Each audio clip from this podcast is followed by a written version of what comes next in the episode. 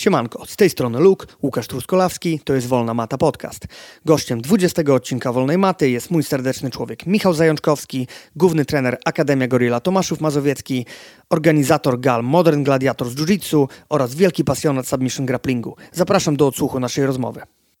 Wielkie podziękowania dla partnerów mojego podcastu. Przede wszystkim firmie Ground Game, która jest ze mną od samego początku. W ich ofercie znajdziecie sprzęt do sportów walki oraz ciuchy do codziennego użytku. www.groundgame.com. Sprawdźcie ofertę. Black Belt Nutrition, czyli najlepsze poradnictwo żywieniowe w sieci. Jeżeli wybieracie się na zawody, chcecie przybrać na wadze lub zrzucić parę kilogramów, najlepiej zrobić to pod okiem specjalistów. Sprawdźcie ich stronę na Facebooku. Do grona partnerów Wolnej Maty dołącza także firma Field Meal Catering, oferująca catering dietetyczny, 7 różnych systemów żywieniowych. Sprawdźcie ich ofertę na stronie fieldemil.pl yoga4bjj.net, czyli strona oferująca filmy instruktażowe z zakresu jogi. Stosujcie jogę, aby unikać kontuzji, zwiększać swoją gibkość i dorzucić sobie dodatkowy trening. Wolna Mata Podcast, okrągły odcinek numer 20. Moim gościem jest mój bardzo serdeczny ziomek Michał Zajączkowski. Siemanko. Witam Cię Łukaszu, witam wszystkich słuchaczy. Michale, e, jesteś tak naprawdę pierwszym gościem Wolnej Maty, którego środowisko gdzieś tam może nie kojarzyć, tak? Bo dotychczasowi goście to nazwiska znane z osiągnięć sportowych, powiedzmy już tam długoletni zawodnicy, trenerzy, a tu nagle pojawia się nieznany... Pan, pan znikąd, pan, pan z Tomaszowa. Pan znikąd, Michał Zajączkowski. Otóż, może na początku przedstawiając, z Michałem znamy się już gdzieś tam od dłuższego czasu. E, dwukrotnie zorganizowałeś w Tomaszowie turniej Modern Gladiators w formule Submission Only. E, prowadzisz treningi Tak. w lokalnej Akademii Gorilla. Nawet bym powiedział, że klub jest pod moją pieczą główną. Yy, Od dwóch lat prowadzimy, od dwóch i pół roku właściwie klub pod e, nazwą, pod marką Akademia Gorilla. Podłączyliśmy się pod chłopaków e, z Warszawy, pod Marcina Polczyka i Grześka Sobieszka. Wcześniej od 2012 roku prowadziłem treningi pod inną banderą, której nie będę wymieniał. Ale to nie jest jak gdyby moja krótka przygoda z e, prowadzeniem treningów, no bo w tym roku minie już 7 lat praktycznie od momentu, kiedy zacząłem prowadzić e, treningi. I tam prowadziłeś wszystko w Tomaszowie, nie? E, To znaczy, robiliśmy na początku submission fighting bez kimon, później dołożyliśmy do tego trochę kimon pod naciskiem mojego poprzedniego trenera, z czego się cieszę, bo na pewno to wniosło też trochę jak gdyby tego aspektu technicznego do tej siłowej, fizolskiej walki submission. I od jakiegoś czasu e, głównie skupiamy się nad formułą nogi, a nawet bym powiedział bardziej nad zasadami ADCC, nad e, formułą submission only. Kiemonka robimy raz w tygodniu symbolicznie. Trenujemy brazylijskie jiu Tak jak e, e, lampeczkę wina przed, przed spaniem. tak. Do obiadu symbolicznie. Tak, ale co za dużo to niezdrowo. Także raz w tygodniu, wtorek jest dniem e, w kimonach, gdzie trenujemy, gdzie obydwie moje sekcje trenują w kimonach, czyli jest sekcja zaawansowana z, który, z chłopakami, z którymi trenuję już od, od samego początku, z niektórymi praktycznie od 6-7 lat. I sekcja początkująca też tego samego dnia ma e, treningi w kimonach. Pozostałe dni to są treningi typowo nogi, submission, trochę zapasów. Jesteście tak naprawdę, tak jak dzisiaj rozmawialiśmy, chyba jedyną tak naprawdę e, taką filią Akademia Gorilla, która jest tak mocno zakorzeniona w submission grapplingu, nie? Mm, Na pewno, z pewnością No. jedyną, bo pozostałe kluby e, głównie, głównie startują i e, Skupiają się na kimonach. skupiają się na kimonach. Nawet jak jeździmy na turnieje typu Mistrzostwo Polski ADCC, to powiedzmy nasze medale to jest główna część medali zdobywana przez, przez klub Akademia Gorilla.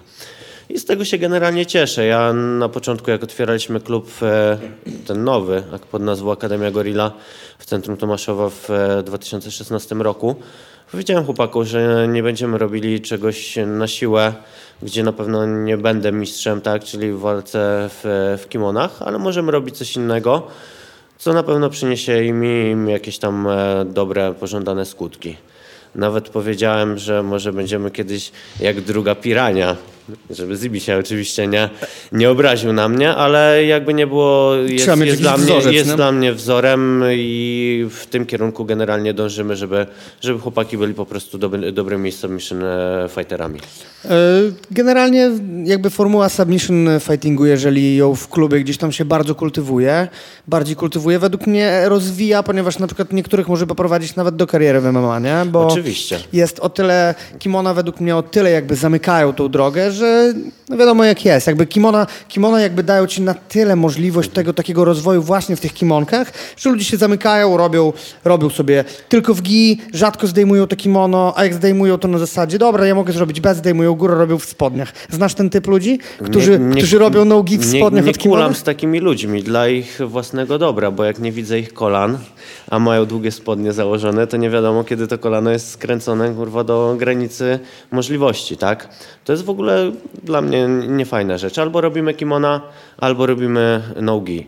Tak to zawsze gdzieś pozostaje ten odruch, że może złapę za te spodnie, może coś tam. Nie. Albo kimona, albo nogi. W moim akurat przypadku częściej, częściej nogi, częściej submission niż, niż te kimona. Ja się często y, y, przypierdalałem, wiesz, o samo nazewnictwo. Mhm. Uważałem, że są osoby właśnie, które robią nogi i są osoby, które robią submission. My robimy kurwa takie chamskie, prostackie, Submission. typowe submission.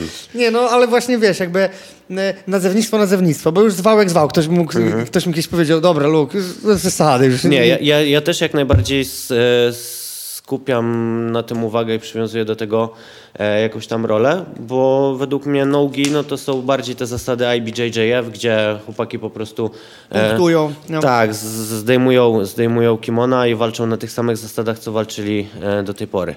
No niestety w walkach e, powiedzmy w tej formule ADCC, czyli docelowo, gdzie chcę, żeby moi zawodnicy startowali i nie mówię tutaj o jakichś tam kategoriach początkujących, średnio zaawansowanych, tylko e, tych najwyższych. Walka wygląda trochę inaczej, chociażby ze względu na to, że te nogi są dużo bardziej zagrożone. Tam nie ma e, prostego e, klucza na stopę czy balaszki taktarowa. Tak? Mo- Można naprawdę e, zrobić różne rzeczy z tymi nogami.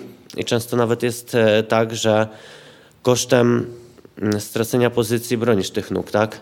Często, kiedy masz wybór albo ustać sweepa i nie wybronić nogi, albo położyć się i wybronić tą nogę, no to wiadomo, że jeśli walczymy do poddania, to będziemy bronić tej nogi za wszelką cenę, tak?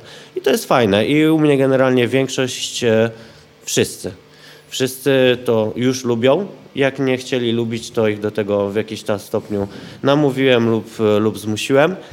I generalnie, generalnie jest tak. Oczywiście traktujemy te treningi w kimonach jako taką fajną, miłą odskocznię, żeby coś tam sobie porobić, no bo wiadomo, e, każdy, kto trenuje brazylijskie jiu-jitsu, czy mówi, czy nie mówi, w jakim stopniu zależy mu na promocjach na, na pasy, tak?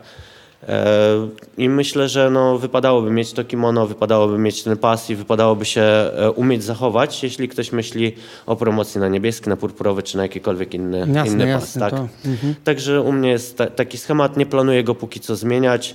E, Robiliśmy przez dwa lata e, zapasy. Na chwilę obecną te treningi tam zostały zawieszone z różnych powodów, ale generalnie chłopaki bardzo, bardzo mocno się rozwinęli, bo sam wiesz, że zapasy wzmacniają i koordynację, i szybkość, i jakąś tam umiejętność e, dociskania przeciwnika z góry presją, także ta, ta walka e, zmieniła się od czasów, kiedy żeśmy sobie kulali trzy czy cztery razy tylko w kimonkach i wszystko było takie typu Nutella i rozlazłe. Co znaczy Nutella?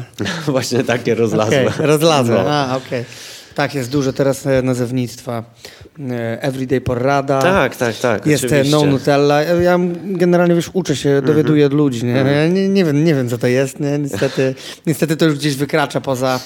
Te hasztagi wykraczają gdzieś poza moją wiedzę. Ale dobrze, Michał, A co do hashtagów, jeśli mogę No, dodać. oczywiście. Najlepszym hashtagiem według mnie, jaki do tej pory powstał, to jest ten hashtag Renzo Graciego Make Jiu-Jitsu Violence Again.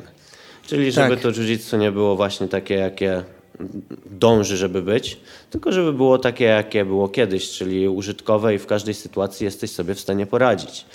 A mówię też o sytuacjach e, poza sportową walką, poza matą, no bo kurde, jeśli trenujemy ileś tam lat, i spotka nas jakaś stresująca sytuacja na ulicy, z której trzeba sobie poradzić tak czy inaczej, no to lipo by było, kiedy posiadacz, nie wiem, brązowego, purpurowego czy tam czarnego pasa dostaje oklep od jakiegoś leszcza, Janka, pod sklepem, tak? Nie może tak być. Musimy, Pozdrawia, pozdrawiamy Janka Andrzejczuka. musimy, musimy reprezentować godnie nasz sport i takie jest moje zdanie, że po prostu nie używając uderzeń, nie używając e, kopnięć, jesteśmy sobie w stanie tak czy inaczej Zneutralizować poradzić. zagrożenie, nie? Dokładnie, No. dokładnie. I nie mówię, że robimy na treningach jakąś tam formę samoobrony, ale staram się wybierać e, te rzeczy, te, e, te aspekty techniczne, które są jak gdyby uniwersalne. I Które nie- można zastosować. nie? Dokładnie. I w walce sportowej, i ewentualnie jeśli komuś by się coś tam miało przydarzyć. Zgadzam się, Michał, ale też gdzie- gdzieś poruszałem tą kwestię. Mhm. Wiesz, w wolnej macie, też wielokrotnie gdzieś o tym gadałem, ten Make Jiu-Jitsu Violent Mhm. Again. E, pamiętam tą całą kampanię też, e, e, nie wiem, czy pamiętasz taki filmik, e, jakiś tam Lovato kiedyś coś tam wstawiał a propos tego, czymś jakby Jiu-Jitsu, Old School Jiu-Jitsu versus New School Coś, Jiu-Jitsu. coś tam było, było trochę tego. Tak, było że- po, po walkach chyba Wagnera Rochy. Po walkach Tak. Wagnera Rochy było ostatnio też trochę zamieszania odnośnie je, tych jego brudnych technik. No może rzeczywiście te techniki nie były do końca jakieś tam eleganckie i pasujące do każdego czarnego pasa. No ale tak jak powiedział, no, on walczy tak jak, e, jak się walczyło kiedyś, tak? Czyli wykorzystuje 100% potencjału tego sportu, który został stworzony po to, żeby po prostu wygrywać, tak? Wiesz co, wydaje mi się, że najbardziej do tego pasuje te takie powiedzenie, czym skorupkę za młodu nasiąka, bo Dokładnie. on, e, Wagner Rocha sam w swojej wypowiedzi jakby napisał, że tym miejscu, w którym on się wychował Mhm. w Brazylii, e, czarny pas to była osoba nietykalna. Dokładnie. I- i nie dlatego, że- Ja jestem tego samego zdania, że czarny pas e, brazylijskiego jiu-jitsu, czy to jest w Polsce, czy gdziekolwiek indziej na świecie, powinien być kurwa nietykalny dla przeciętnego człowieka, tak? Nie ma prawa nic przeciętny człowiek zrobić e, posiadaczowi czarnego pasa. Tylko wiesz co, wydaje mi się, że e, czymś takim Michał na zasadzie nie ma prawa. No. Zamykasz sobie też czasami jedną kwestię, sytuacja, w której cię e, coś powiedzmy zaskoczy, Mhm. czy coś, e, czy na przykład e, nie zaczniesz sobie później robić wyrzutów, wiesz o co chodzi? Kurwa, a jakbym tu uniknął, a nie W sensie, powinienem po- dostać po- tego po co- boksa, wiesz o co co chodzi? go zabiłem? Po co go zabiłem? o to ci Nie, chodzi? nie, nie, oczywiście, jakby, jakby jak chcę ci przedstawić moją wizję, nie? że Mhm. e, też zgadzam się, że od momentu, jak gdzieś tam zaczęliśmy więcej robić tego Mhm. submission grapplingu, zauważyłem e, powiedzmy nieduży zakres tych technik bardziej Mhm. funkcjonalnych, czyli wiesz, neutralizacja na podstawie jakichś tam gilotyn czy coś i zacząłem sobie nawet myśleć, że wiesz, zawsze się mówi tak, że czy ćwiczycie samoobronę w tym jiu-jitsu, nie? Kurwa, przecież jiu-jitsu jest samoobroną samo w sobie, Mhm. W ogóle nie? bym powiedział, że to jest inaczej. Samoobrona zasięgnęła jak gdyby najlepszych elementów z jiu-jitsu i je jak gdyby wyselekcjonowała i na tym się opiera. To nie jest, że samoobrona, e, że ćwiczymy samoobronę na treningach jiu-jitsu. My ćwiczymy jiu-jitsu, które było bazą, podstawą, jak gdyby podwalinami pod te wszystkie śmieszne systemy samoobrony, tak? Co więcej, ja ci powiem, że według mnie zapasy to jest samoobrona. Idealna. Jest, no bo decydujesz, gdzie chcesz się bić. Oczywiście. Jeśli jesteś zapaśnikiem i umiesz uderzać, no to bijesz się w stójce, nie pozwalasz się przewracać. Jeśli jesteś dobrym parterowcem, robisz z przeciwnikiem, co chcesz, dokładnie. A jeżeli, wiesz, e, nawet chodzi o kwestię przewracania, ale jak masz podstawy klasyka i kogoś sklinczujesz z góry, zawiążesz mu łeb, ręka, głowa, nawet w stójce. Kiedyś Joe Rogan właśnie bardzo fajnie powiedział a propos tego łapania głowy, wiesz, że pozycja jakby z punktu widzenia działania człowieka, e, jeżeli ktoś trzyma cię za głowę, ty jesteś pochylony, to automatycznie zaczynasz panikować, bo droga oddechowa pracuje Jasne. troszkę inaczej, nie wiesz, co się dzieje, jesteś pochylony, nie widzisz, co się dzieje naprzeciwko ciebie. Jasne. Zaczynasz wpadać no to jest, panikę, To jest baza nie? zapasów, tak? Pierwsze, pierwsze, nad czym się skupiasz w e, stójce zapaśniczej, żeby zaciągnąć chłop łeb. I on albo zareaguje i podniesie, podniesie głowę do góry, ale wtedy jak gdyby traci na moment e, pełną, pełną obronę. Albo nie zareaguje i robisz wtedy z nim co chcesz, tak? Mhm. Więc no, no to, to jest taka ABC chyba zapasów, podstawy, żeby, żeby cały czas ściągać głowę i żeby temu przeciwnikowi jak najbardziej utrudniać życie, tak? No właśnie i gdzieś e, a propos tego właśnie ostatnio miałem taką rozkminę, że jak przychodzi do mnie, bo tak jak ci mówiłem, mam e, e, możliwość jakby prowadzenia treningów indywidualnych z ludźmi, którzy w ogóle przychodzą na matę i robią ze, mnie, ze mną jiu-jitsu od samego początku. To od czego zaczynam jiu-jitsu? Od zapasów w stylu klasycznym. Czyli nie mówię o jakichś wyszukanych technikach, ale klinczowanie, skracanie dystansu, złapanie właśnie za głowę. Powiem ci, że często na przykład na pierwszym czy drugim treningu pokazuję gilotynę ze stójki. Nie? I, I sprowadzenie do parteru nie na zasadzie wejścia w nogi, które jest arcytrudne, bo obniżenie poziomu i wejście komuś w kopyta, wejście w biodra poprawnie, żeby to pokazać, nie dla gościa, żeby pokazać, a on potem na ulicy wejdzie komuś, wiesz... I dostanie kolano i... Kolano albo wejdzie na byka, chłop go w pas zwiąże, rzuci nim i będzie kill. kill nie? A tutaj wiesz, jakby te złapanie za głowę, też tak gdzieś staram się tłumaczyć, że jest to sytuacja, w której właśnie neutralizujesz zagrożenie, bo potencjalny, powiedzmy, oprawca nie wie, co się w tym momencie dzieje, nie? Więc, Jasne. więc tak jak mówimy, ta samoobrona jest, wiesz, ciężko ją jakby zdefiniować, jakby ja trochę też, może nie to, że kpię z tego, nie? ale kiedy widzę na przykład zajęcia z samej samobrony, nie? To, to jest, wiesz, jakby też trochę mam wrażenie, że to jest na zasadzie, wiesz to, że się stoi w miejscu i jest na zasadzie, wiesz, połóż rękę tu i jak ci ktoś tu położy rękę, to zrobisz to, nie? To tak nie działa. A to chodzi o dynamikę, o żywą, żywą To, walkę, to tak nie? nie działa. Chodzi e, w tym wszystkim o czas reakcji, tak? O czas reakcji, o to, żeby nie spanikować się, nie przestraszyć. Nie można w takich e, warunkach laboratoryjnych, można powiedzieć, uczyć się obrony przed tym, obrony przed tym, a później jeśli dochodzi szybkość, stres i inne czynniki, ktoś niby trenuje ileś tam lat i nie wie, jak się w danej sytuacji, e, jak się w danej sytuacji zachować, tak? Także no, takie jest moje zdanie. Generalnie mówię, ja się nie interesuję tą samoobroną i nie robimy tego. Robimy jiu-jitsu i to takie naprawdę oldschoolowe, klasyczne jiu-jitsu. I się cieszę, że u mnie w klubie chłopaki sobie i dziewczyny e, dobrze radzą. I tak samo jak poruszałem kiedyś e, temat, nie pamiętam z kim, bodajże z Robertem Henkiem. Odnośnie uczenia legloków, dzieciaków, mm, białych pasów i tak dalej. Robimy to, robimy to, bo im szybciej nauczą się, jak to działa, im szybciej będą wiedzieli, jak się bronić, tym też się nauczą atakować i tym później, jeśli wskoczą na poziom, gdzie trzeba się bić na skręty, będą chcieli na przykład startować w kategoriach tych właśnie ADCC Pro albo na jakichś właśnie turniejach Submission Only, oni nie będą musieli tego zrobić w ciągu dwóch, trzech, czterech tygodni, bo się nie da. Trzeba sobie wyrobić pewne odruchy, jak chować tą nogę, jak skręcać piętę i tak dalej, i tak dalej, żeby umieć się przede wszystkim przed tym bronić, neutralizować ataki przeciwnika i dopiero myśleć o swoich atakach, tak? Nie można iść po nogę i oddać przeciwnikowi e, do odwrotnego skręta, na przykład tak, idąc po, po taktarowa, no bo to jest totalna bzdura. To już lepiej po to w ogóle nie iść, bo to nie ma totalnie sensu. I mówię, w e, jakichś takich bezpiecznych warunkach.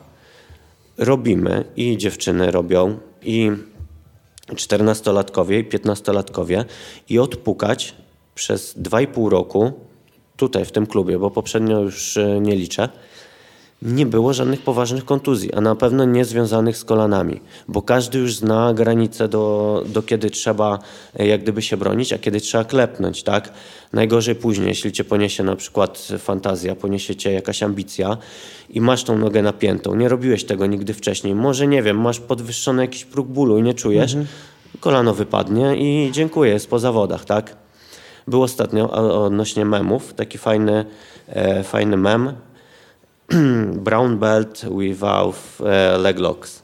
Taki wąż, nie wiem, to był jakiś pyton i połowę swojego ciała miał białą. I dokładnie, dokładnie e, to mi się kojarzy, że no, no na pewnym poziomie już trzeba po, potrafić wszystko, mniej lub więcej. Może jeśli ktoś nie lubi tego robić i atakować tylko, to niech się chociaż dobrze przed tym broni, tak? Naprawdę nie jestem jakimś zawodnikiem z, ze światowej czołówki, ani nawet z polskiej czołówki, ale leglokami radziłem sobie w bardzo różnych e, sytuacjach z różnymi ludźmi walcząc i później się okazywało, że na przykład e, jak byłem w Brazylii, to chłop miał, nie wiem, dwie czy trzy belki na czarnym pasie, a jego leglokami pokręciłem, on się w ogóle nie potrafił przed tym bronić i ja wchodziłem jak do cukierni, brałem co chciałem, tak? I, ta, I tak dokładnie wyglądała ta walka. Bierzesz to chcesz w cukierniach? Teraz póki co nie, bo nie mogę tyle żreć. Ale bardzo mi się podoba to stwierdzenie. Wchodzę jak do cukierni. E, tak, Michałku, e, wiesz co jest... E, o, w ogóle to nie jest kwestia też legloków, wiesz. E, znam też...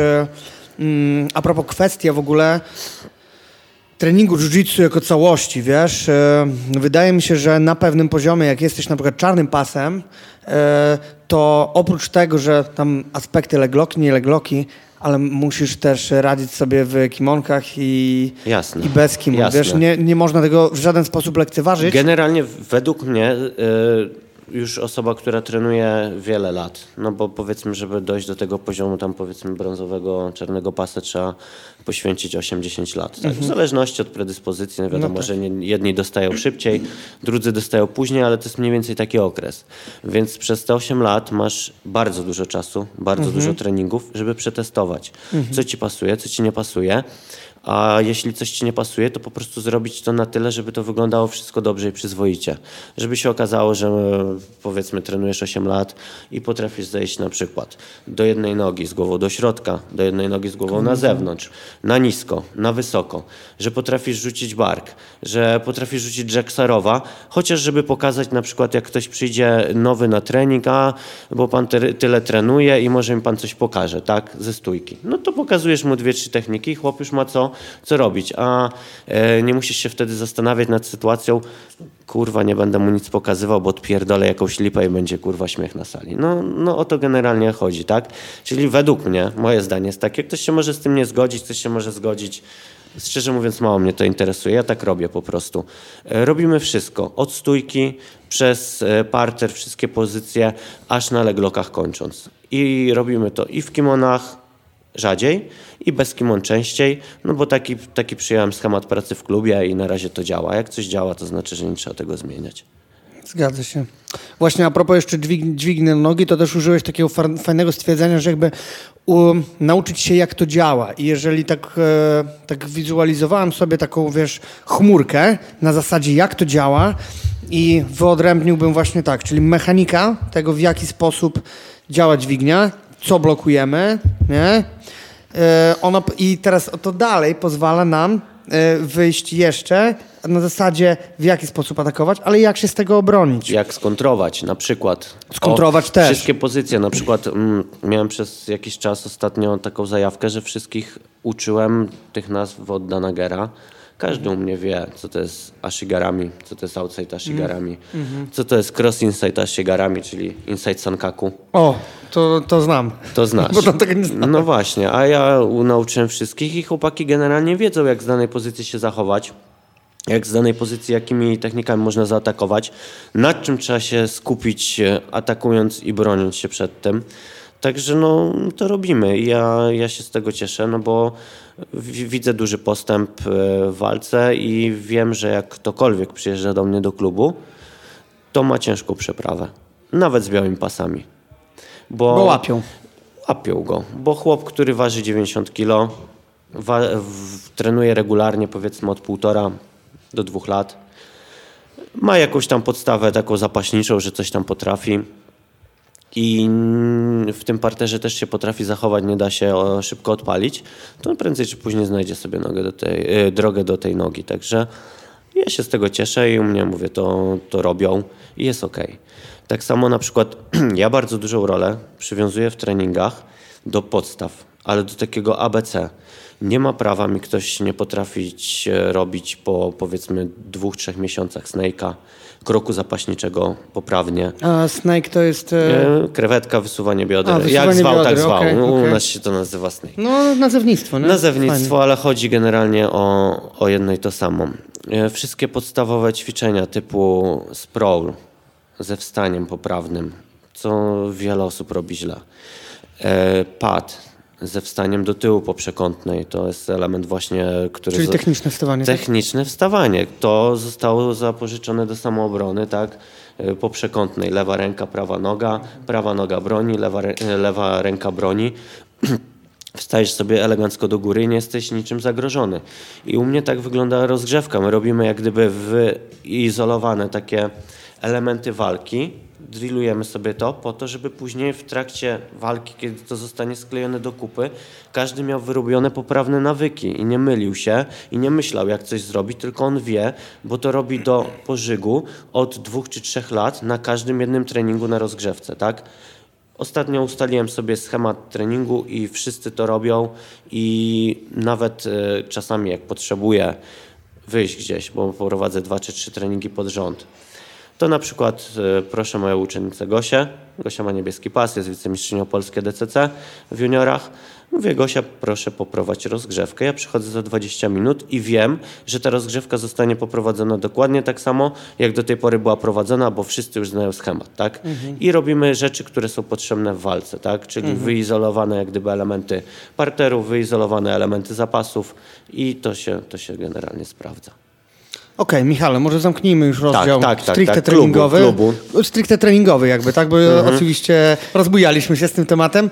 Przejdźmy do rzeczy e, tak naprawdę do punktu najważniejszego programu, czyli do turnieju Modern Gladiators, który w grudniu e, 2000 18. E, po, po, w listopadzie wróć. W listopadzie Miał 2000... drugą edycję. E, dobrze mówisz, listopad 2018. Mówię teraz o tej edycji. A, tak, ostatniej. Tak. Pierwsza edycja rok temu w grudniu.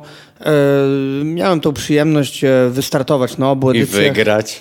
I wygrać, i wygrać pierwszy turniej, tak. Oczywiście powiem Ci, że naprawdę mega zajawkę miałem na to, że mogłem w ogóle w czymś takim walczyć. Muszę Ci powiedzieć, że e, gdyby więcej takich gal się odbywało. Uwierz, że aspirowałbym, żeby rywalizować tylko i wyłącznie na czymś takim, wiesz? M może bym nawet sobie, nie to, że odpuścił turnieje, bo wiesz, też są fajne, jakby przechodzenie walka po walce, żeby jednak te podium zdobyć, ale jednak możliwość e, walk na gali, na mniejszych turniejach, czy nawet superfightów, no powiem ci, że niepowtarzalna rzecz, nie? Ludzie jeszcze tego troszkę nie doceniają, mam wrażenie. Tak. Ale na przykład, e, wiesz, takie emocje, które gdzieś e, są po powrocie do domu. Nie? Czyli na oglądała to twoja na rodzina. Na spokojnie, później po dwóch, trzech dniach jak Tak, ale takie... nie, wiesz co, ja mówię o jakby ten drugi dzień, mm -hmm. tak? Bo oczywiście, no dwa lata z rzędu powiedzmy, że udało mi się coś tam powalczyć tak. fajnie, nie?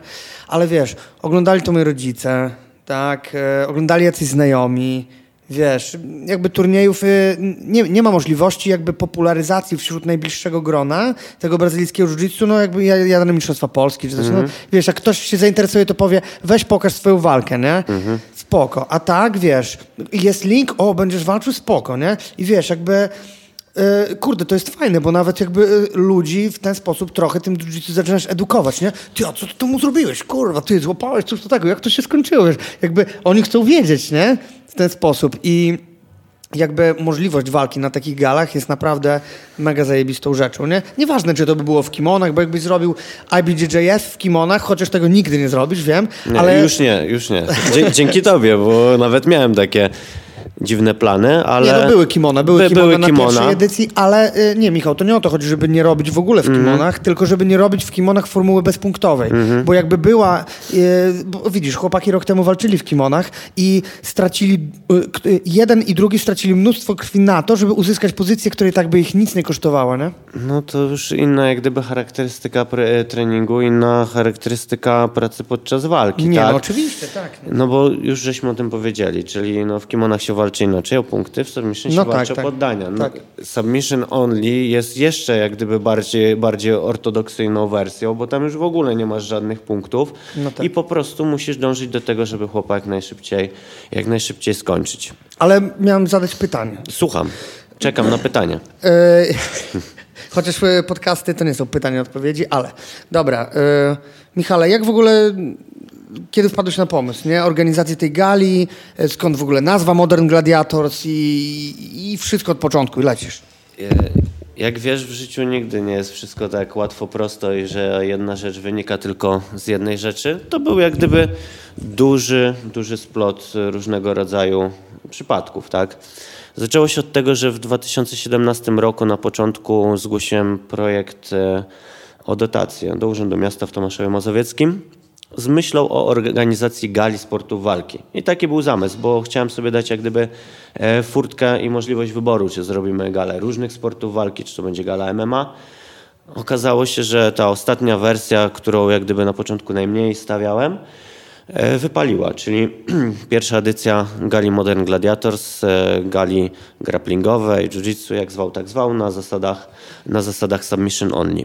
W międzyczasie, kiedy już ta dotacja została zatwierdzona i kiedy wiedziałem, że mam tam jakieś pieniądze, środki do e, rozdysponowania, pojechaliśmy z chłopakami pierwszy raz do Czech. W Czechach ta scena submission only jest bardziej popularna niż w Polsce, o dziwo. I oni tam naprawdę mają często turnieje i dużo tych turniejów. I pojechaliśmy z tego, co pamiętam, to były chyba pierwsze mistrzostwa, pierwsze otwarte mistrzostwa Czech właśnie w formule submission only. Tam są dwa dni. E, jeden dzień, sobota jest poświęcony na kimona. Też walczy się 10 minut w kimonach bez punktów do poddania. Drugi dzień to jest walka już, już typowo nogi, e, właśnie w formule submission only. I generalnie po tym turnieju bardzo mi się to spodobało. Nie mówię, że wpływu na moją decyzję, jak to ma plus minus wyglądać, nie miały e, gale takie jak e, Metamoris czy Polaris, bo oczywiście te pierwsze wszystkie edycje oglądałem z zapartym tchem, bo jarałem się tym, że w końcu zaczyna ktoś to pokazywać. I generalnie moim zamysłem nadal jest e, właśnie to, żeby to jiu-jitsu po prostu spopularyzować. I naprawdę ja nie, nie robię tego dla pieniędzy. Ja robię to po prostu z czystego fanu i zajawki do, do jiu-jitsu, bo to lubię, bo to kocham, bo to robię od iluś tam lat i wiem, że mimo różnych kontuzji, operacji, które do tej pory miałem związanych z treningami, będę to robił nadal, tak? I sprawa wygląda tak, że chciałbym szerszemu jak gdyby gronu odbiorców pokazać piękno tego sportu. I Właśnie do tego dążyłem, e, jak gdyby organizując tą pierwszą galę w grudniu 2017 roku. Wiadomo, pomysł nowy można powiedzieć, bo w formie gali tak naprawdę to był pierwszy taki event w Polsce. Ja wiem, że Łukasz Bilski robił w e, Radomiu wcześniej jakieś turnieje typu Dragon's Den i Mistrzostwa Polski. Dragon's Den Cup i Mistrzostwa Polski Do, EBI. Dokładnie, ale to nie było w formie gali. Tam jest turniej otwarty, tutaj jest typowo na zaproszenie. E, wiem, że był Ragnarok i że Łukasz Winiarski organizował, oglądałem większość edycji. Żałuję, że to się nie odbywa, bo to było fajne jak gdyby zakończenie sezonu. No ale może dzięki temu część ludzi zainteresowała się galą Modern Gladiators, bo na chwilę obecną no, to jest taki jedyny event kończący jak gdyby kalendarz gdzie staram się naprawdę wyselekcjonować e, dobrych zawodników. Wiem, że pierwszego roku e, był z tym problem i musiałem wybierać jak gdyby w niższych e, kategoriach pasów i kategoriach zaawansowania. Niemniej jednak te walki wyglądały naprawdę bardzo przyzwoicie i ja tam z niczego się jak gdyby nie wycofuję i według mnie było wszystko, wszystko poprawnie, jeśli chodzi o poziom zawodniczy i o, e, o sam wygląd, jak to miało wszystko przebiegać. No, druga edycja, wiesz, jak wyglądała. Praktycznie udało mi się ściągnąć, e, ściągnąć e, czołówkę polskich zawodników, szczególnie w tym turnieju, w którym brałeś udział. I wyglądało to według mnie już dużo bardziej e, solidnie pod kątem takim dopięcia takich szczegółów, bo pierwszego roku skupiałem się nad tym, żebyście wy jako zawodnicy e, mieli jak najlepiej, tak? Przyjeżdżacie, żebyście byli tam w jakiś sposób docenieni, żebyście się czuli po prostu dobrze.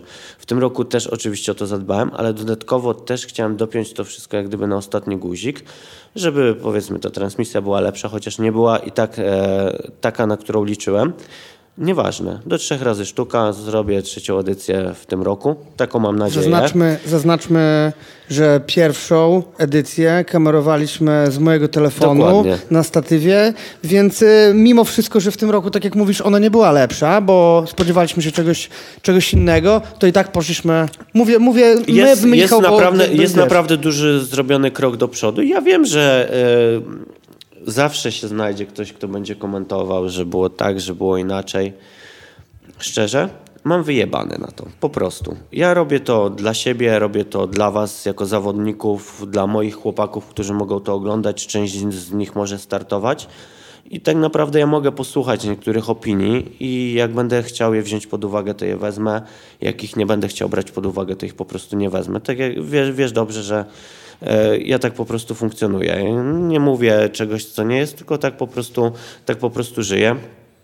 I będę chciał z roku na rok podnosić przede wszystkim poprzeczkę sportową, a po drugie podnosić jak gdyby e, jakość samego widowiska.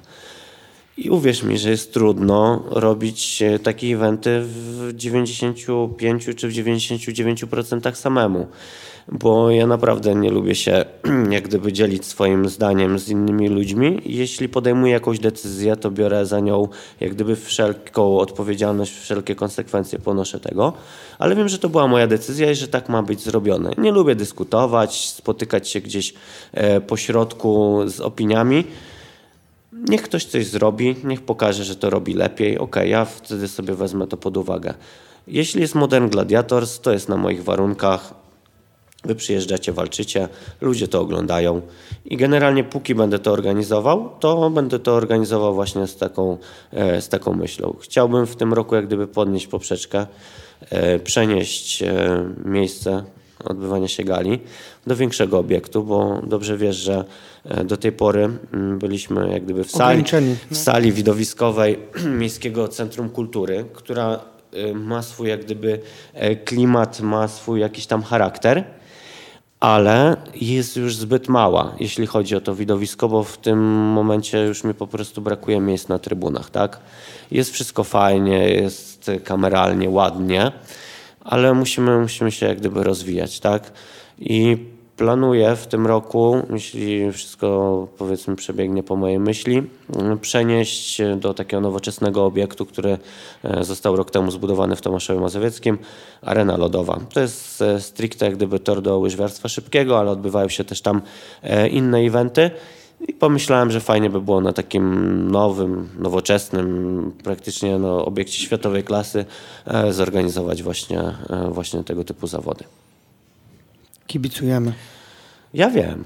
Wiem, że kibicujemy i że ty kibicujesz i generalnie przecież dobrze wiesz, że od samego początku jak gdyby e, pomysłu Gali Modern Gladiators e, jesteśmy tam w jakimś e, mhm. kontakcie, rozmawiamy na ten mhm. temat, luźne rozmowy. Dobrze wiesz, że część z twoich jak gdyby porad e, biorę sobie do serca, e, zastosowuję je. Coś, co mi nie pasuje, to ci powiem, że mi nie pasuje i tak nie zrobię, ale generalnie lubię słuchać mądrych ludzi, także uwierz mi, że niewielu osób pytam o zdanie, a ciebie pytam, także możesz się poczuć doceniony w tym wypadku. Michał, e, tak sobie myślałem, w, o czym będziemy tutaj gadali sobie jeszcze, bo oczywiście ostatnio też byłeś w Tajlandii troszkę. Byłem też w Tajlandii i odnośnie Tajlandii też chciałem porozmawiać, bo tak. mam pewien bardzo dobry projekt, o którym jeszcze praktycznie nikt nie wie, wie tylko kilka osób, a może to być też fajny, jak gdyby przełomowy projekt w środowisku sportu walki w Polsce. Proszę mów. E, wiesz co, pomyślałem sobie o tej takiej kwestii, że e, mamy jedną taką e, jakby rzecz wspólną. Zarówno ty, jak i ja. E, no mieszkamy w miastach, powiedzmy, które nie są jakimiś tam wielkimi ośrodkami, wiesz, gdzie jest dużo roboty, perspektywicznymi. W, tym, w tej kwestii mówię młodych ludzi, takich jak my, wiesz. Dużo naszych znajomych, nie oszukujmy się, wyjeżdża. Mhm opuszcza rodzinne miasto, gdzieś, wiesz... E, to jest dla mnie największy ból. Jako posłuchaj, dla, Michał, dla e, trenera. Jakby, oczywiście, jako dla trenera, ale o czym sobie pomyślałem? Wielokrotnie jak gdzieś z tobą gadałem i mówiłeś mi gdzieś o, jakby wiesz, swoim zakresie obowiązków, że oprócz prowadzenia klubu masz jeszcze swoją robotę, przyjeżdżasz tutaj do Warszawy gdzieś tam pracować gdzieś na weekendy czy coś, e, ale mimo wszystko nigdy nie opuściłeś Tomaszowa. Zostałeś tam, zrobiłeś tam zajebistą robotę, rozwijasz tam klub. Tak naprawdę jiu-jitsu pomogło ci, pozwoliło ci też trochę tam zostać i realizować Tak, myślę, marzenie, że tak. Nie? Na chwilę obecną to jest jak gdyby główna rzecz, która mnie trzyma jeszcze e, w, w Tomaszowie, no. bo nie po to wkładałem naprawdę kupę e, czasu, kupę zdrowia i kupę pieniędzy w to, żeby otworzyć, rozwinąć klub. I w momencie, kiedy on już zaczął fajnie funkcjonować, że mogę sobie na przykład pozwolić na to, że mnie nie ma 2-3 tygodnie, wyjeżdżam sobie gdzieś i wiem, że nic się nie stanie, bomba nie wybuchnie i wszystko będzie funkcjonowało tak samo albo jeszcze lepiej, to po prostu jest mi tego jak gdyby szkoda. Dlatego ile mogę, ile będę w stanie, to będę chciał, chciał utrzymywać, e, utrzymywać to, żeby ten klub funkcjonował i, i nadal się rozwijał. Oczywiście nie robię tego sam. Chciałem tutaj też serdecznie pozdrowić mojego wspólnika Jarka, no bo robimy to razem i nie chciałbym w żadnym stopniu e, zbierać tutaj 100% pochwał za, e, za klub Akademia Gorilla Tomasz Mazowiecki. Niemniej jednak, jeśli chodzi o jiu-jitsu samo, no to ja jestem jak gdyby pionierem w Tomaszowie, bo ja pierwszy zacząłem jeździć do Łodzi, e, przywozić jakieś tam e, podstawowe techniki, robić to z chłopakami. I tak naprawdę klub Akademia Gorilla wyrósł na, Tomaszów Mazowiecki, wyrósł na bazie tej mojej sekcji jiu gdzie my z chłopakami trenowaliśmy już od jakichś czterech lat i po prostu otwierając w nowym miejscu siedzibę, dorzuciliśmy do tego treningi MMA, dorzuciliśmy do tego treningi boksu K1 Teraz w klubie funkcjonuje już chyba około 10 sekcji. Mamy treningi jiu-jitsu dla dzieci. Prowadzi Igor Dziubołtowski i bardzo dobrze mu to idzie. E, z tego jestem zadowolony. Dzieciaków przychodzi coraz więcej na treningi. Mamy dwie sekcje karate olimpijskiego. E, także no, klub funkcjonuje i odpukać ma się, ma się dobrze na chwilę obecną. Także jestem zadowolony z jak gdyby całokształtu. Wiadomo, że miastach, tak jak powiedziałeś, Białystok, Tomaszów, Tomaszów jest jeszcze w gorszej jak gdyby mm. sytuacji, bo nie jesteśmy miastem akademickim. U was są jakieś mm. uniwersytety, tak? Tak, tak, tak Ludzie jasne. przyjeżdżają tak. i w wieku tym powiedzmy 19, 25, 26 lat tam są. U nas tak nie ma. Ludzie wyjeżdżają do Łodzi, do Warszawy na studia i na przykład moja praca 3-4-letnia z e, chłopakiem, który chodzi do gimnazjum, kończy się jego wyjazdem na studia, tak? No i już wiele osób w ten sposób jak gdyby, jak gdyby skończyło nawet e, w Warszawie czy w innych miejscach. Mm, no co, nic nie mogę z tym zrobić, tak? Po prostu taka jest e, kolej rzeczy. Muszę się do tego przyzwyczaić, że tak będzie. W momencie, kiedy e, będę widział, że właśnie zawodnicy zaczynają coś osiągać, zaczynają startować, okazuje się, że oni mi odchodzą z klubu. No trudno, muszę mieć satysfakcję z tego, że to ja ich tych podstaw nauczyłem i czego dalej nie osiągną, no to mam w tym jakiś swój, swój wkład. Ja tak naprawdę prowadzę treningi od niecałych 7 lat, tak? We wrześniu tego roku minie 7 lat treningów.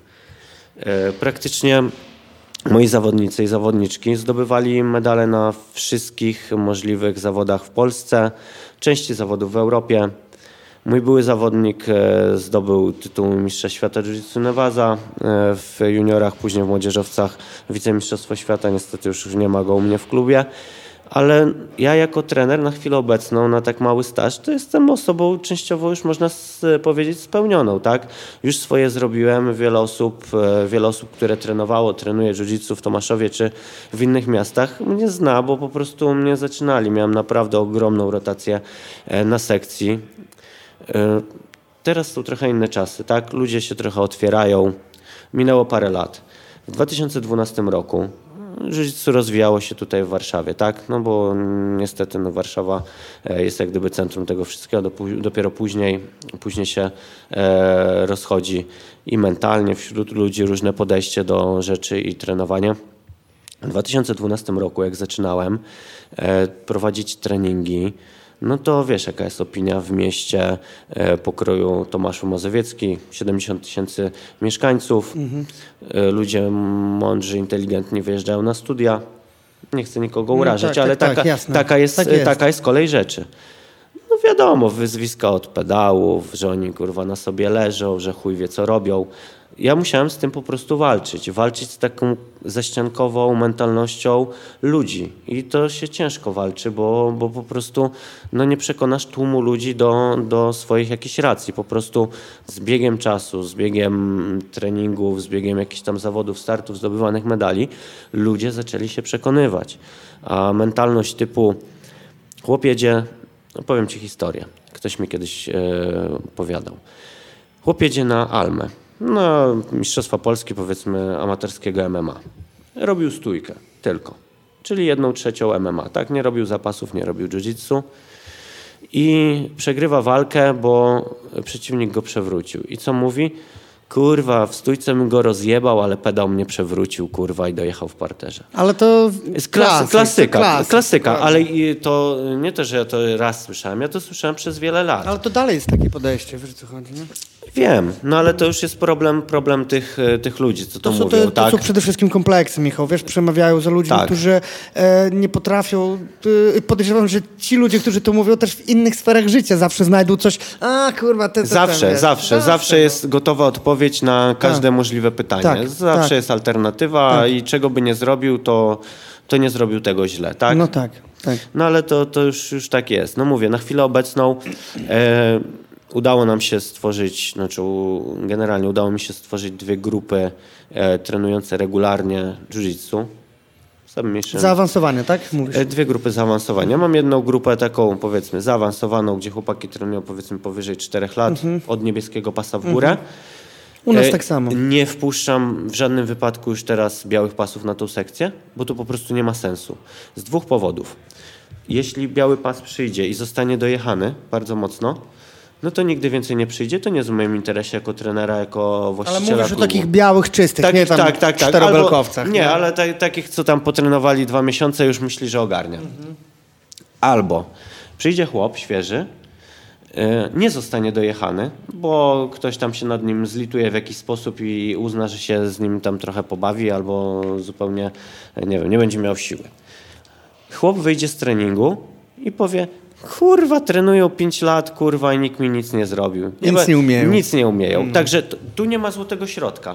Jest albo źle w jedną stronę, albo źle w drugą stronę, więc na chwilę obecną sekcja ta zaawansowana jest sekcją zawodniczą. Ludzi, którzy startują na zawodach mniej lub e, więcej, ale startują. I tam już wiadomo, że nikt e, ręki jak gdyby nie zabiera, nikt nogi nie zabiera. Każdy już walczy, walczy na maksa, ale w granicach rozsądku. Sekcja początkująca jest sekcją początkującą, gdzie przychodzą ludzie. Robimy e, wszystkie pozycje, techniki po kolei. Mamy jakieś tam już swoje, e, swój harmonogram treningów, jakiś tam e, cykl, do którego doszedłem tymi kilkoma latami prowadzenia zajęć. Robimy sobie to w cyklach, tak? No i standardowy schemat. Osoba Osoba, która przychodzi, ma te półtora roku do dwóch lat, żeby się nauczyć wszystkiego. Jeśli myśli o, o jakichś tam dalszych promocjach i o przejściu na grupę, e, to zaawansowano bardziej, co łączy się e, bezwzględnie jak gdyby z promocją na niebieski pas. Takie mam zasady i tyle. Okej, okay, ale e, rozwinąłeś trochę bardziej znów temat treningów, Michał, a do czego ja dążyłem, że to, że mieliśmy jakby sobie poradzić, żeby w swoim mieście, które tak. nie dawało jakby, znaczy wiesz, Białystok, no tak jak mówisz, no to masz jest trochę gorszym 250 tysięcy Białystok, tak, tak. no to masz e, trzykrotność z górką, tak, tylko, nawet że, czterokrotność. Tylko, że uwierz, mnóstwo znajomych no. wyjeżdża. Ja rozumiem. Nie, wyjeżdża mi Ale jest, nadal statystycznie, statystycznie masz jak gdyby tak. więcej osób, z którymi tak. możesz. Ale um... dzięki jiu-jitsu, dzięki jiu-jitsu udało mi się tutaj zostać, zrealizować jakieś tam marzenie i przede wszystkim, wiesz co, właśnie godnie reprezentować to miejsce, które kocham. Nie? I to się właśnie nazywa lokalny patriotyzm. No, tak jest, Michał. Myślę, myślę że jest, masz, masz rację, tak. Przecież no, mogliśmy galę zorganizować gdziekolwiek, tak? Chciałem ściągnąć jiu do Tomaszowa, pokazać powiedzmy to... Żeby na mapie Polski... Jiu-jitsu na najwyższym poziomie, żeby było wiadomo, że takie eventy się u nas odbywają, ale ja zawsze myślę z myślą o jak gdyby chłopakach z mojego klubu, żeby przede wszystkim oni nie musieli nigdzie jeździć i mogli e, jak gdyby zobaczyć ten najwyższy poziom, nie jeżdżąc, nie wiem, do Lubonia, do Warszawy czy hmm. gdziekolwiek indziej. E, na przykład też miałem przez, e, przez jakiś czas na początku, jak otwieraliśmy klub, taki zamysł, żeby jak najczęściej, jak najwięcej seminariów mm, organizować. To się okazało jak gdyby taką bronią obusieczną. Kij zawsze ma dwa końce. Nie ma, nie ma czegoś takiego, że jak dasz komuś za dużo, to będzie za dobrze. Nie, może się odwrócić w drugą stronę. Przez pół roku e, funkcjonowania klubu zorganizowałem seminarium z Zimim Tyszką, z Kamilem Mumińskim. E, później było seminarium z Radkiem Turkiem. W międzyczasie przyjechał do nas jeszcze Roy Harris, co było naprawdę dużym wydarzeniem. I co się okazało? Kolejny standardowy tekst. Po co chodzić na seminaria, jak ty i tak to pokażesz w poniedziałek na treningu? I wiesz o co chodzi? Co za dużo to niezdrowo. Już nie robię seminariów e, co dwa miesiące, mhm. co miesiąc. Robię dwa, trzy w roku, żeby każdy był zajarany, e, że przyjedzie ktoś, coś pokaże nowego, z innego punktu widzenia, z innej perspektywy i że walczy gdzieś tam i coś tam wygrywa, tak? I że jest znany generalnie, oni się tym jarają, czytają o nim na Grappler Info, oglądają jakieś filmiki na YouTubie, a nagle mogą z nim pokulać i przybić piątkę i zrobić sobie zdjęcie, tak? I taki mam teraz, teraz plan, że te seminaria jak gdyby odbywają się już rzadziej, żeby każdy miał z tego jakoś tam korzyść, tak? Michałku, Tajlandia. Tajlandia.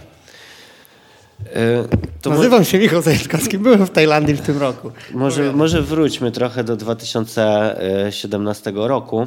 E, miałem okazję uczestniczyć e, w kampie organizowanym przez Marcina Polczyka w Brazylii, w Rio de Janeiro. I było tam takie słynne zdjęcie, w którym e, robisz Bravo Grip na jakimś Brazalu. Tak. Pokazywałeś chyba tak, im to. mogę opowiedzieć najpierw o tak, Brazylii, tak, a później o Tajlandii. E, powiem Ci, jak sytuacja się miała. Nie poleciałem do Brazylii w 2016 roku, bo byłem po rekonwalescencji, po operacji. Tak, przychodziłem rehabilitację po zerwanych więzadłach w kolanie. To był taki dla mnie bardzo nieciekawy okres. W momencie, kiedy dostałem purpurowy pas, zacząłem coś tam walczyć.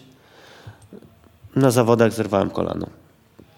I później wiesz, to jest du duży problem, tak? No bo musisz podjąć decyzję, operujemy, nie operujemy. E, operując zgadzasz się na, na to, że następne pół roku masz wycięte z życia i liczysz na to, żeby dojść do sprawności na początku ruchowej, a ja nie mówię o sprawności na macie, tak? Bo to jest jak gdyby ro rok do tyłu praktycznie bo nie trenujesz, a tylko się rehabilitujesz. No i musiałem podjąć taką decyzję ze względu na to, że po prostu kolano było w bardzo złym stanie, a chciałem nadal prowadzić treningi, chciałem nadal coś tam jeszcze sobie startować. I na, pod koniec 2015 roku przyszedłem operację i do połowy 2016 roku e, musiałem się rehabilitować, więc siłą rzeczy ten wyjazd pierwszy jak gdyby wypadł mi, wypadł mi z, e, z możliwości, nie mogłem tam polecieć ale za to chciałem się przygotować do wyjazdu w 2017 roku, żeby nie polecieć jak gdyby z formą taką wakacyjną, tylko żeby już rzeczywiście coś, e, coś tam sobie pokulać. I, I tak było w marcu 2017 roku e, z Warszawy, tutaj z dworca centralnego, cała ekipa wystartowała przez Berlin, przez Amsterdam, aż do, do Rio. No i co? Na tamtą chwilę mogłem powiedzieć, że to była dla mnie wycieczka życia. Ze względu na to, że trenując sporty walki, trenując brazylijskie jiu-jitsu, ja miałem to zawsze z tyłu głowy i pewnie większość ludzi, e, ludzi, którzy trenują, chciałaby się pokulać z Brazylijczykami w Brazylii, zobaczyć Copacabana, zobaczyć e, pomnik e, Chrystusa Zbawiciela, tak? No i ja to marzenie sobie spełniłem. E, byliśmy tam 15 dni na miejscu. Miałem możliwość trenowania w dwóch akademiach e, u Fernando Terrera wieczorami i rano u, e, w Czekmacie u Ricardo Vieira. Ricardo Vieira to jest brat, brat Leonardo Vieri, tak? Dziewięciokrotny mistrz świata. Akurat mieliśmy szczęście, że trafiliśmy wtedy na niego, bo jego bardzo często nie ma. On ma jakieś tam różne tournée, po świecie prowadzi seminaria, szkolenia, ale akurat przez całe dwa tygodnie wtedy był. No i co? Klub ten Czekmat Klub taki bardziej zawodniczy, więcej dorosłych ludzi trenujących. Rozrzut spory, powiedzmy tam od 16 lat do 40 kilku. Co do pasów, rozrzut od zielonego do czterobelkowego czarnego pasa. Na poranne treningi o godzinie 10 przychodziło powiedzmy 10-12 e, czarnych pasów. No było z kim porobić, tak? Klasyczny tekst, było z kim porobić. I drugi klub, Akademia Fernando Terrere tam jest sytuacja trochę inna ze względu na to, że trenuje wiele mm, dzieciaków. Właściwie to jest klub dziecięcy, można powiedzieć, bo Terere e, ma taki pro, projekt, Terere Kids Project. On zapobiega jak gdyby wstępowaniu dzieciaków właśnie w tym wieku takim kilkunastu lat do gangów. I on te dzieciaki po prostu hamuje przed wejściem do, do, do tych gangów. Jest też tam drugi projekt Cantagalo, e, Cantagalo Social Project, to jest już projekt wyciągania z gangów ludzi, którzy tam poszli, byli, robili różne rzeczy, ale przez sport mogą, mogą zmienić swoje życie. My w każdym bądź razie trenowaliśmy z tymi dzieciakami. No i co mogę powiedzieć? To jest w ogóle kosmos. Co oni robią? Nie oszukujmy się. Zaczynając e, trenować jakiś tam sport w wieku 20-20 kilku lat, no na 99,9% nie osiągniemy poziomu mistrza świata, tak? To jest za późno. Te dzieciaki trenują od 5-6 roku życia. To jest dla nich jak gdyby e, jedyny sens w życiu, bo wiedzą, że albo gang, albo światowa czołówka i kulanie się na najwyższym poziomie, a mają tam taki przykład, że chłopaka e, rok wcześniej zabrali e, bracia Mendes do siebie, do Art of Jiu-Jitsu i on tam trenuje i pojechał i w wieku 16 lat e, wygrał Worlds niebieskich pasów. Także oni mają jak gdyby już drogę otwartą, tak? I dlatego się nad tym skupiają. I część z nich, oni tam przesiadują po prostu całe dnie w tym klubie, tak? I nie da się oszukać tego, że ja spędziłem, trenuję od 7 lat. Mówię hipotetycznie. Ile trenujesz? No od 7 lat. A dokładnie, no trenuję dwa razy dziennie po półtorej godziny. Mało. Jak ktoś trenuje pięć razy w tygodniu, dwa razy y, dziennie, po dwie godziny, no to wiadomo, że on jak gdyby tą jakość, intensywność treningu w danej jednostce czasu będzie miał o wiele większą. Więc nie ma się co dziwić, że 15-latkowie, którzy trenują od 8 lat, mają niesamowity jak gdyby poziom tego jiu-jitsu. My pojechaliśmy ekipą dorosłych ludzi, silnych, i to było jak gdyby naszym jedynym plusem, że żeśmy sobie z nimi radzili po prostu siłowo bo podejrzewam, że jakbym trafił na te dzieciaki teraz, gdzie oni podrośli przez te dwa lata, miałbym bardzo duży problem, bo ich jiu było na tak kosmicznym poziomie, na tak wysokim, że no ciężko było z tym równać. Można było tylko po prostu przeciwstawić aspekt siłowy kontra, tą, kontra ta ich naprawdę rewelacyjna technika. Tak? I tak to generalnie tam wygląda. Ja trochę od tamtego czasu też zmieniłem swoje podejście do treningów, do, e, do samego siebie i do promocji, nominacji na pasy, tak? No nie dogonimy ich. Na pewno nie przez najbliższe ileś tam lat, tak? Jesteśmy 15-20 lat za Stanami, a za Brazylią jesteśmy wiele, wiele lat. U nas ludzie w większości przypadków dostają czarne pasy po 30, tak? Tam ludzie dostają czarne pasy w wieku 18-19 lat i jadą od razu biją się na najwyższym światowym poziomie, bo oni w wieku 18-19 lat mają spędzonych na macie już lat kilkanaście, tak? I są w szczytowej formie i fizycznej, i psychicznej, i w szczytowej formie sportowej, żeby wyjść do rywalizacji na najwyższym poziomie.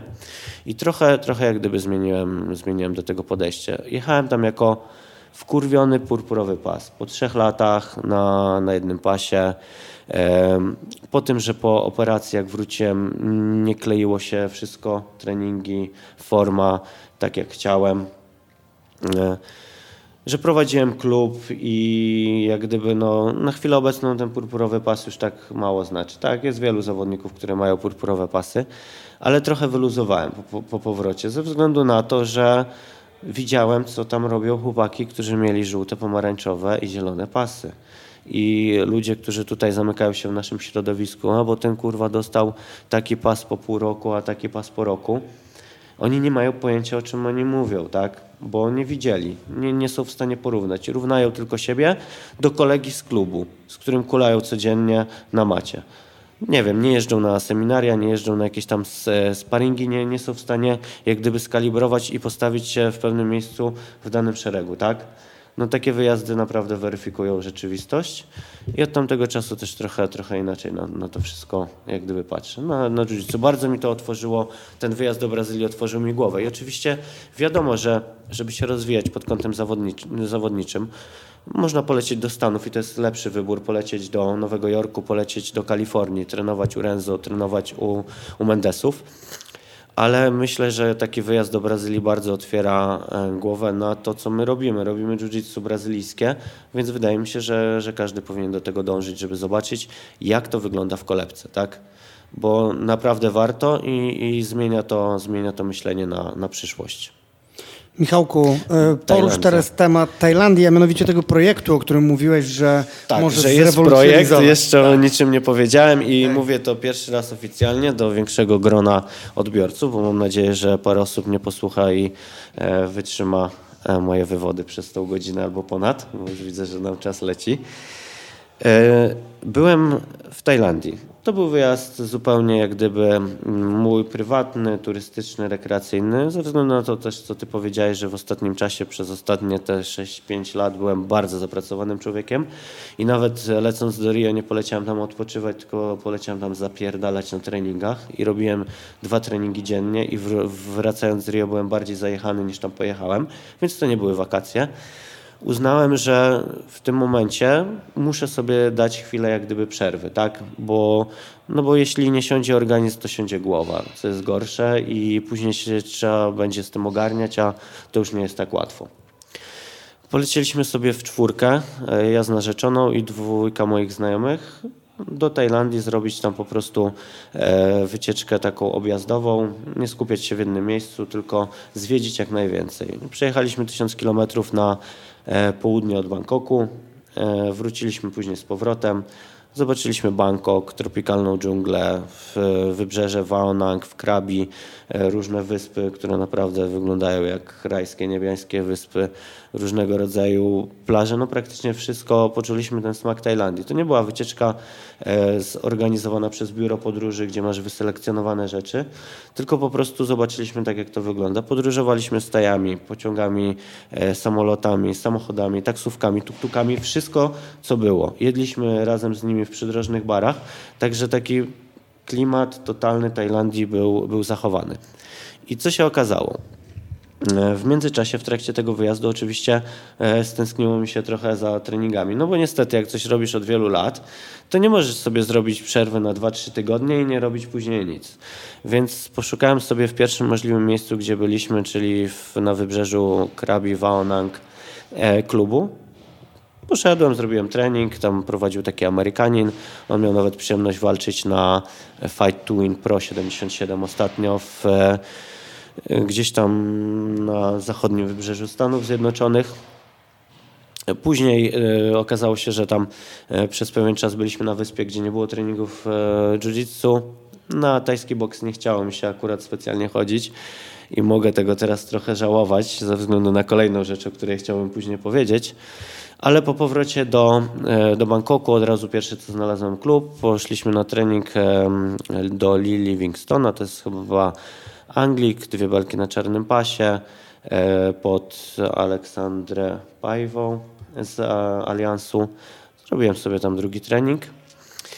I sytuacja wygląda tak, że kolega, który był ze mną, mm, byliśmy razem na tym wyjeździe, pracuje w biurze podróży, zajmuje się zawodowo organizacją różnego typu wycieczek. Kiedyś jak siedzieliśmy sobie wieczorem przy piwku e, w dżungli na, e, na werandzie domku, prawie że na drzewie, ale w, naprawdę w bajkowych jak gdyby okolicznościach przyrody zaproponował mi tak. Mówi, ty Michał, a ty byś nie chciał takiego kurwa obozu zorganizować w Tajlandii pod sporty walki? Mówi, ja ci wszystko ogarnę. No i dokładnie tak żeśmy zrobili. I na chwilę obecną powstał projekt e, Modern Gladiators Combat Camp w Tajlandii pod koniec tego roku prawdopodobnie w listopadzie. Po gali czy przed? Po gali, prawdopodobnie, bo jeśli będę A chciał... czy wygrany gali będzie... Zobaczymy. Zobaczymy. Okay. Powstał projekt Modern Gladiators Combat Camp, o którym będziemy powoli zaczynać jak gdyby informować ludzi, bo do listopada niby jest dużo czasu, a później się okazuje, że tego czasu jest mało. I nad czym chciałbym się w tym projekcie skupić? To ma być wyjazd turystyczno-sportowy, bo lecieć te 10 czy 11 tysięcy kilometrów i nie zobaczyć Bangkoku, w którym się można naprawdę zakochać, wybrzeża Tajlandii, które jest przepiękne, wysp, według mnie jest stratą czasu. Ja trochę też żałuję, że w Rio nie zwiedziłem trochę więcej i byłem w 100% skupiony na treningu, no bo niestety nie przemierzasz pół świata też, e, żeby tylko siedzieć i, i robić jedną Wąchać rzecz. Matę. Dokładnie. No. No powiem Ci, żyję tą Tajlandią do tej pory i chyba mentalnie to jeszcze zostałem w Bangkoku i dlatego chcę tam jak najszybciej wrócić. I będziemy robić wszystko, żeby zorganizować grupę 15-20 ludzi na taki wyjazd turystyczno-sportowy. Coś na zasadzie tego, co robi Marcin, nie? Marcin robi bardziej sportowe obozy. Okay. Tu ma być okay. bardziej też więcej zwiedzania, okay. Okay. więcej oglądania tego, co my mogliśmy zobaczyć, żeby się ludźmi, e, z ludźmi z tym, tym podzielić. Mhm. Oczywiście będzie możliwość zabrania jak gdyby osób towarzyszących, bo nie każdy będzie chciał trenować. Mhm. My oczywiście damy możliwość trenowania dwa razy dziennie i to na takiej zasadzie, że E, do grona potencjalnych odbiorców tego kampu chciałbym zaprosić zawodników grapplingu, zawodników Muay Thai i zawodników MMA, bo każdy będzie miał do wyboru dwa treningi Muay Thai dziennie lub dwa treningi grapplingu dziennie lub jeśli jest zawodnikiem MMA, będzie mógł sobie to w dowolnej konfiguracji mieszać. I Taki jest mój plan. Poza tym, że chcę zorganizować e, trzecią edycję Modern Gladiators, też już wybiegam jak gdyby myślami troszkę dalej i chciałbym, żeby takie kampy weszły, weszły do, do corocznego, e, corocznego kalendarza. Chciałbym, żeby ludzie ludzie mogli powiedzmy w takich warunkach e, przyrody sobie potrenować. Jeśli nie chcą trenować, nie muszą. No mówię, byliśmy w Brazylii, ja trenowałem dwa razy dziennie do zajazdu, a byli też tacy uczestnicy, którzy trenowali raz dziennie, a byli też tacy, którzy na przykład nie trenowali nawet raz dziennie, tylko trenowali co drugi dzień, bo mieli jakieś inne ciekawsze rzeczy do robienia, tak? No mówię, no to... Swoboda wyboru, nie? Swoboda wyboru.